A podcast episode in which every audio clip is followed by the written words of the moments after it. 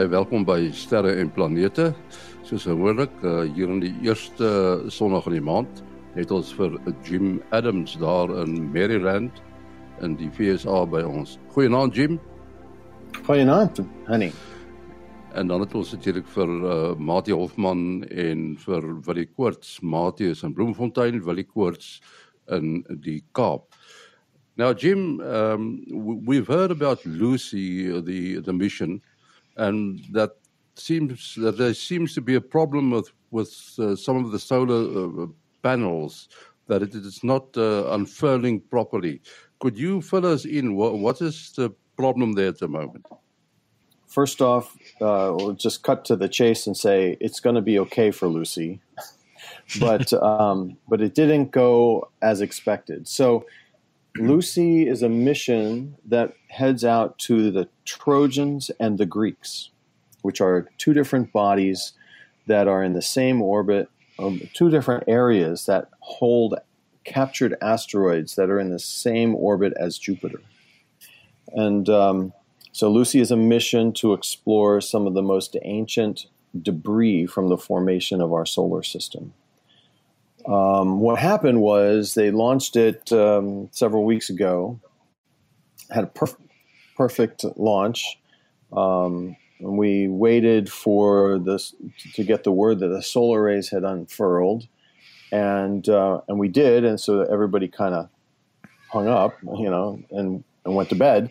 But the um, but these solar arrays, they unfurl like large Japanese fans, and so they are 7.3 meters across when they unfold, and there's two of them.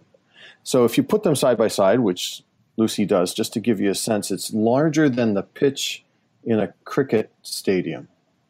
So uh, they would extend beyond the um, the two points of the, cricket pitch, and uh, the biggest solar arrays ever flown in space and qualified to go all the way out to Jupiter, um, which is, if you think about it, is an amazing thing. The only other mission that's flown solar arrays to Jupiter was Juno, and this mission will go further out than Juno, even.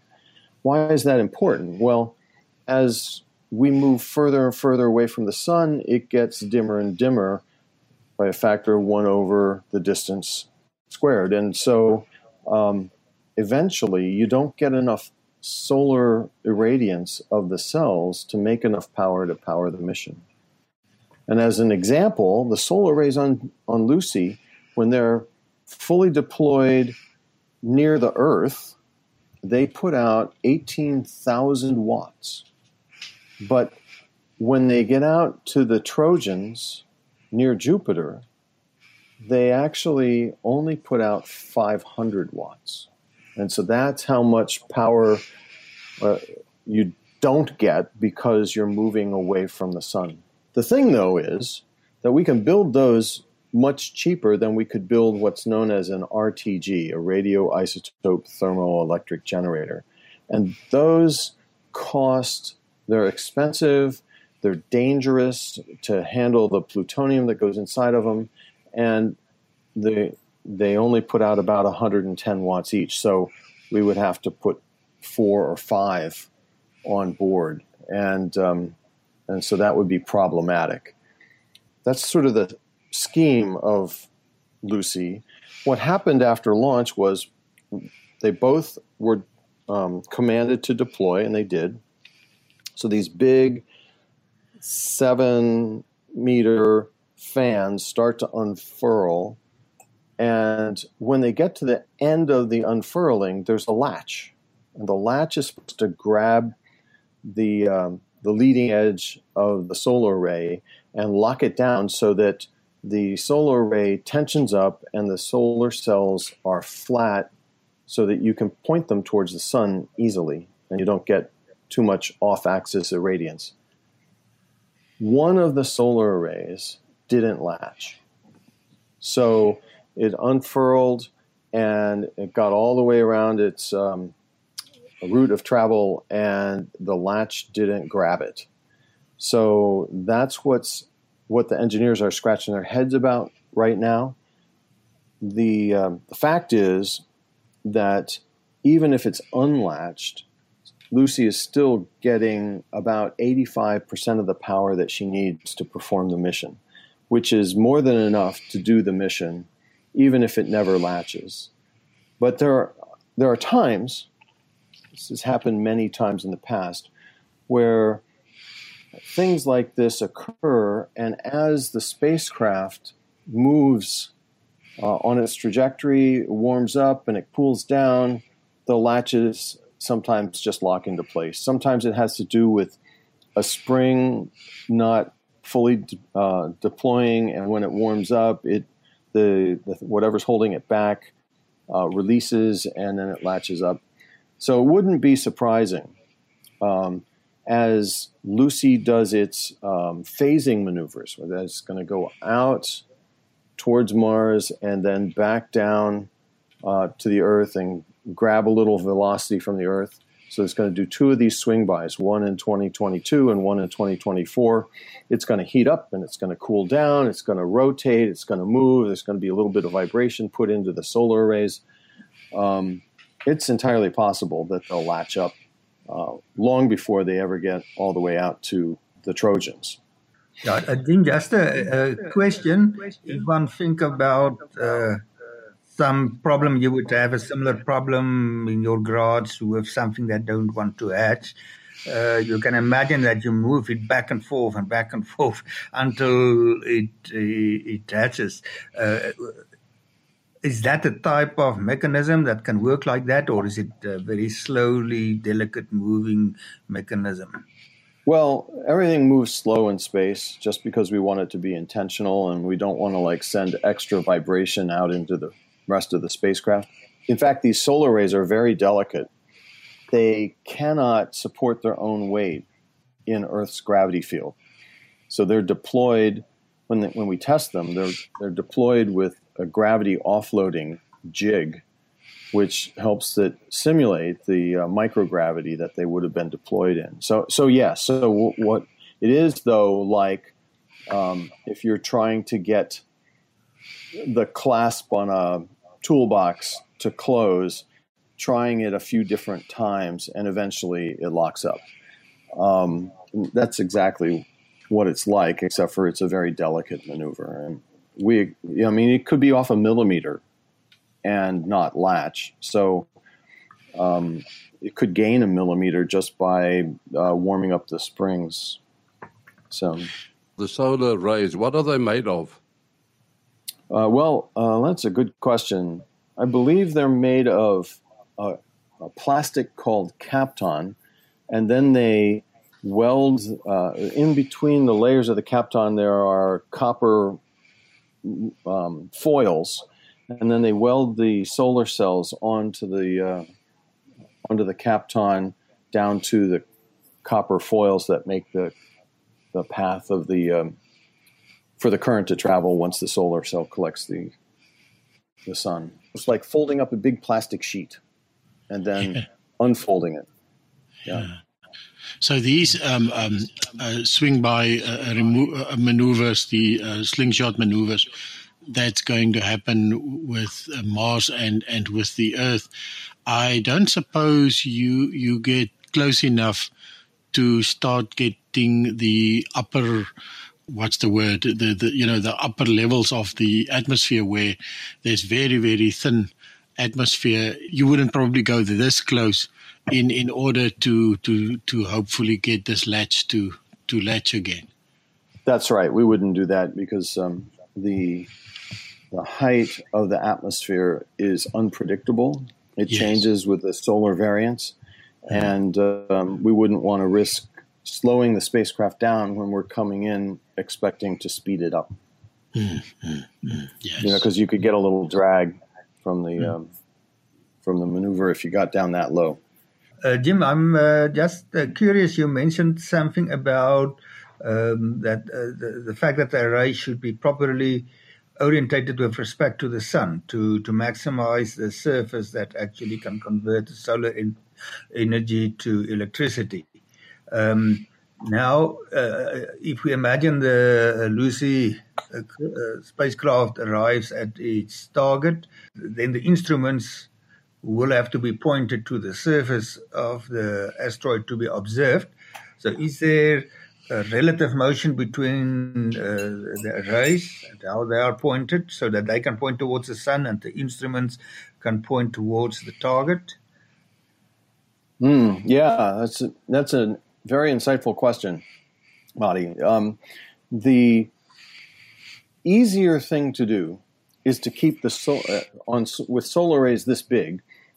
The easiest thing to do is to not move the solar arrays if you don't have to. You know, many of the low Earth orbiting spacecraft that we have have solar arrays that rotate 180 degrees as they move around the Earth so that the solar arrays can stay tracking the sun. But on Lucy, these things are so big and the spacecraft is moving so fast that um, that the best thing to do is to not try and um, change the orientation of the solar array dynamically as you're coming by and you're looking at at an asteroid. But there's actually a pointing deck a movable deck that all the instruments are on that will um, will track the asteroid as the spacecraft goes by. So the solar arrays will stay pointing at the sun, and then the deck will track the asteroids uh, out at the Trojans um, as it as it flies by it.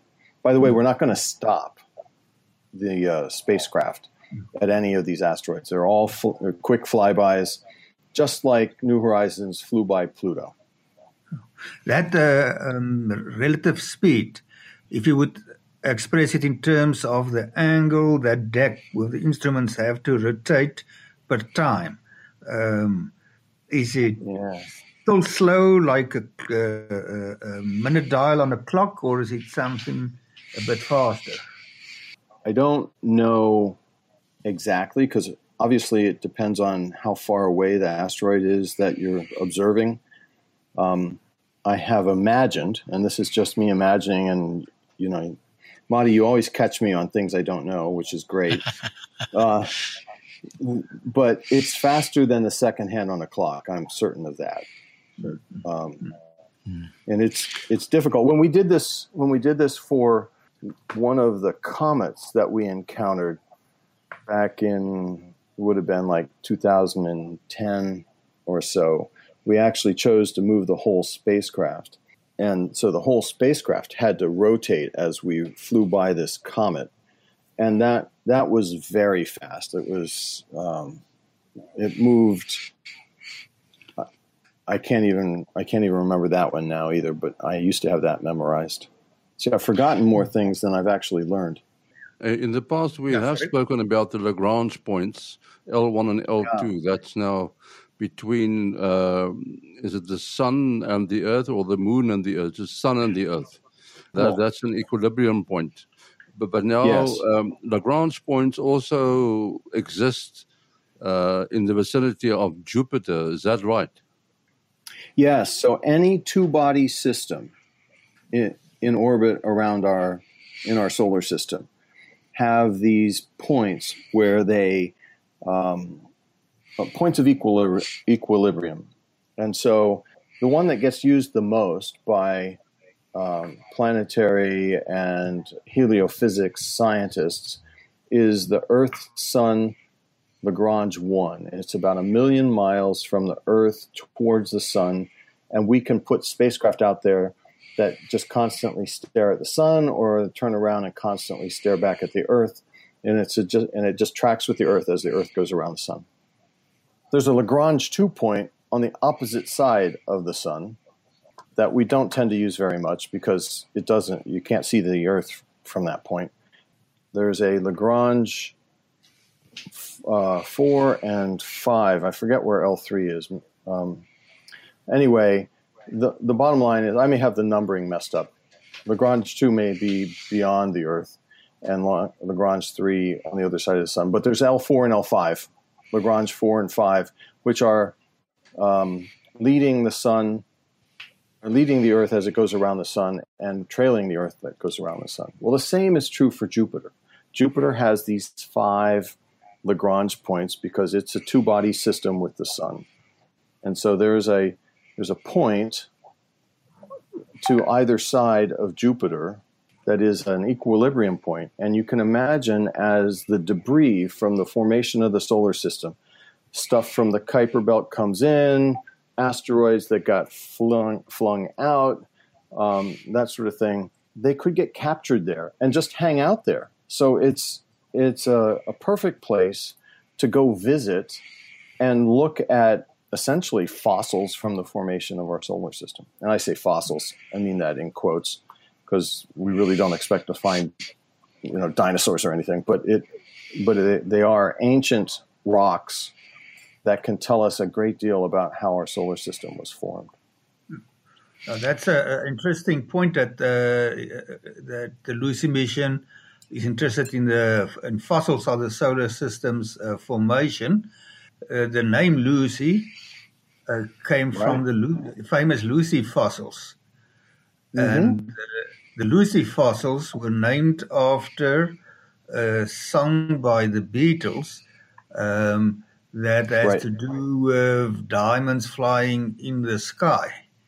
And there is an instrument on Lucy that has diamonds on it, and it's that yep. uh, uh, for an infrared spectrometer that have to determine uh, the material out of which through uh, uh, uh, through the spectrometry of the, the, the Trojans.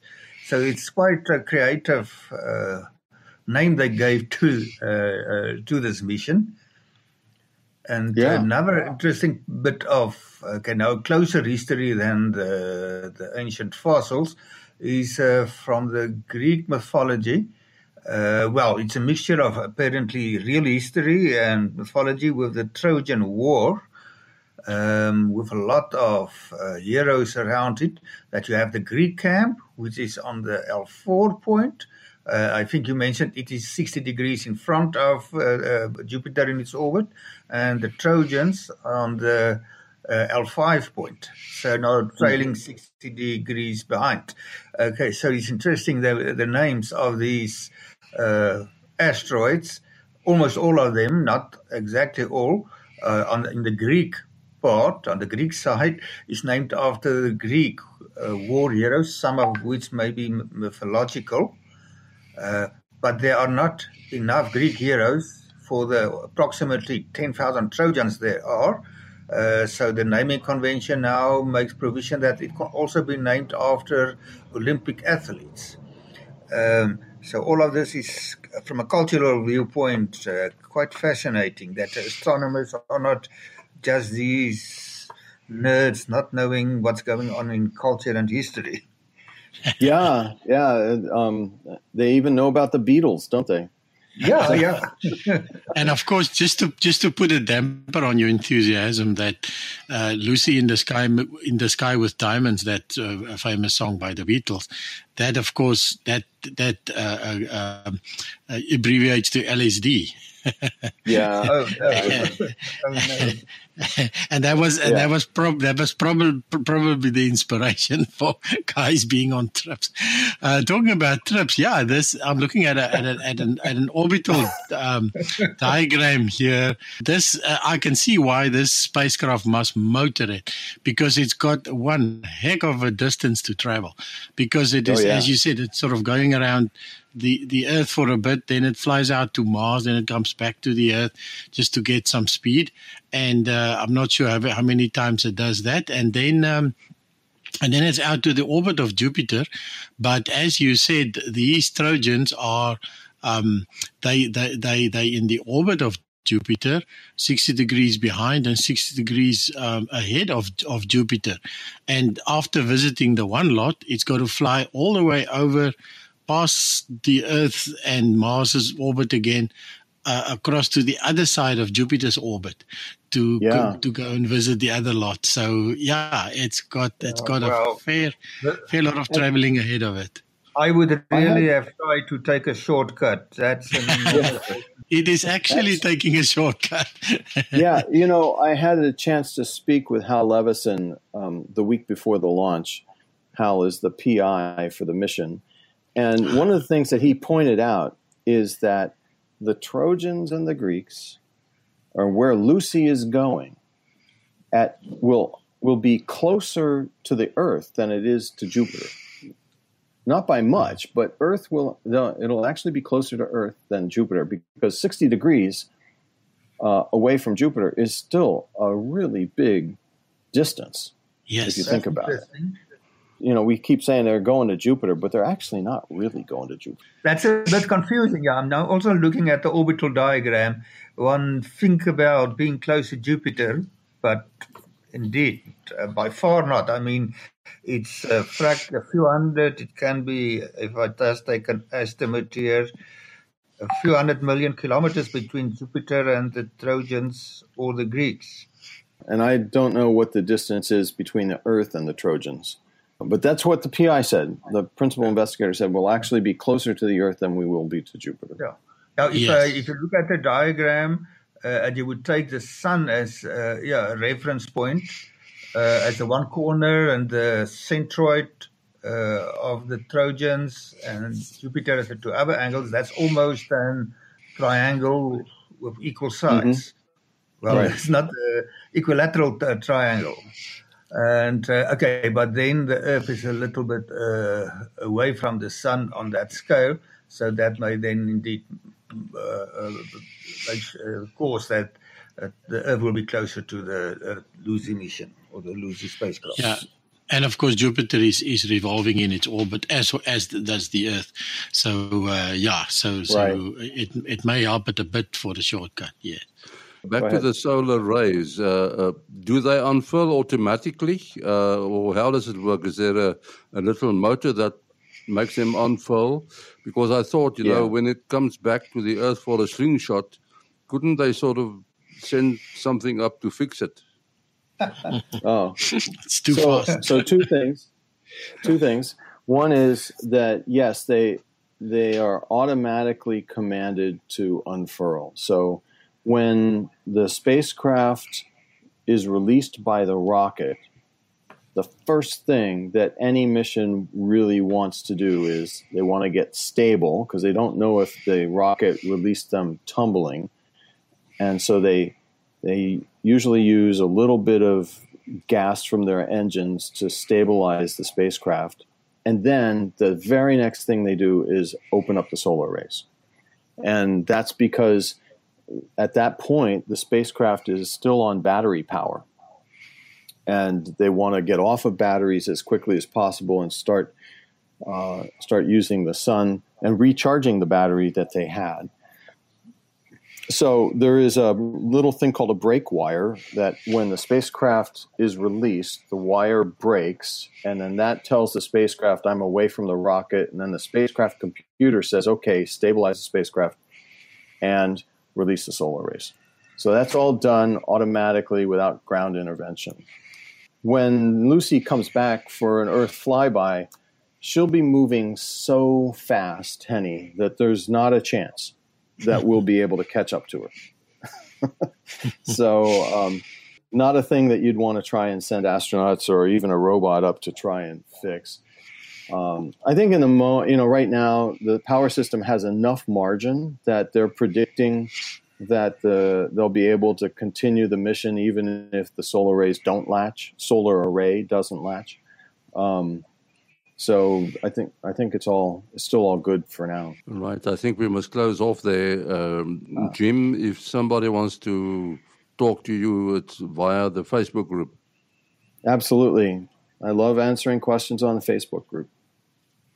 Uh wat is jou besonderhede? Uh telefoonnommer 0724579208. 0724579208. En dan uh Mati 0836257154.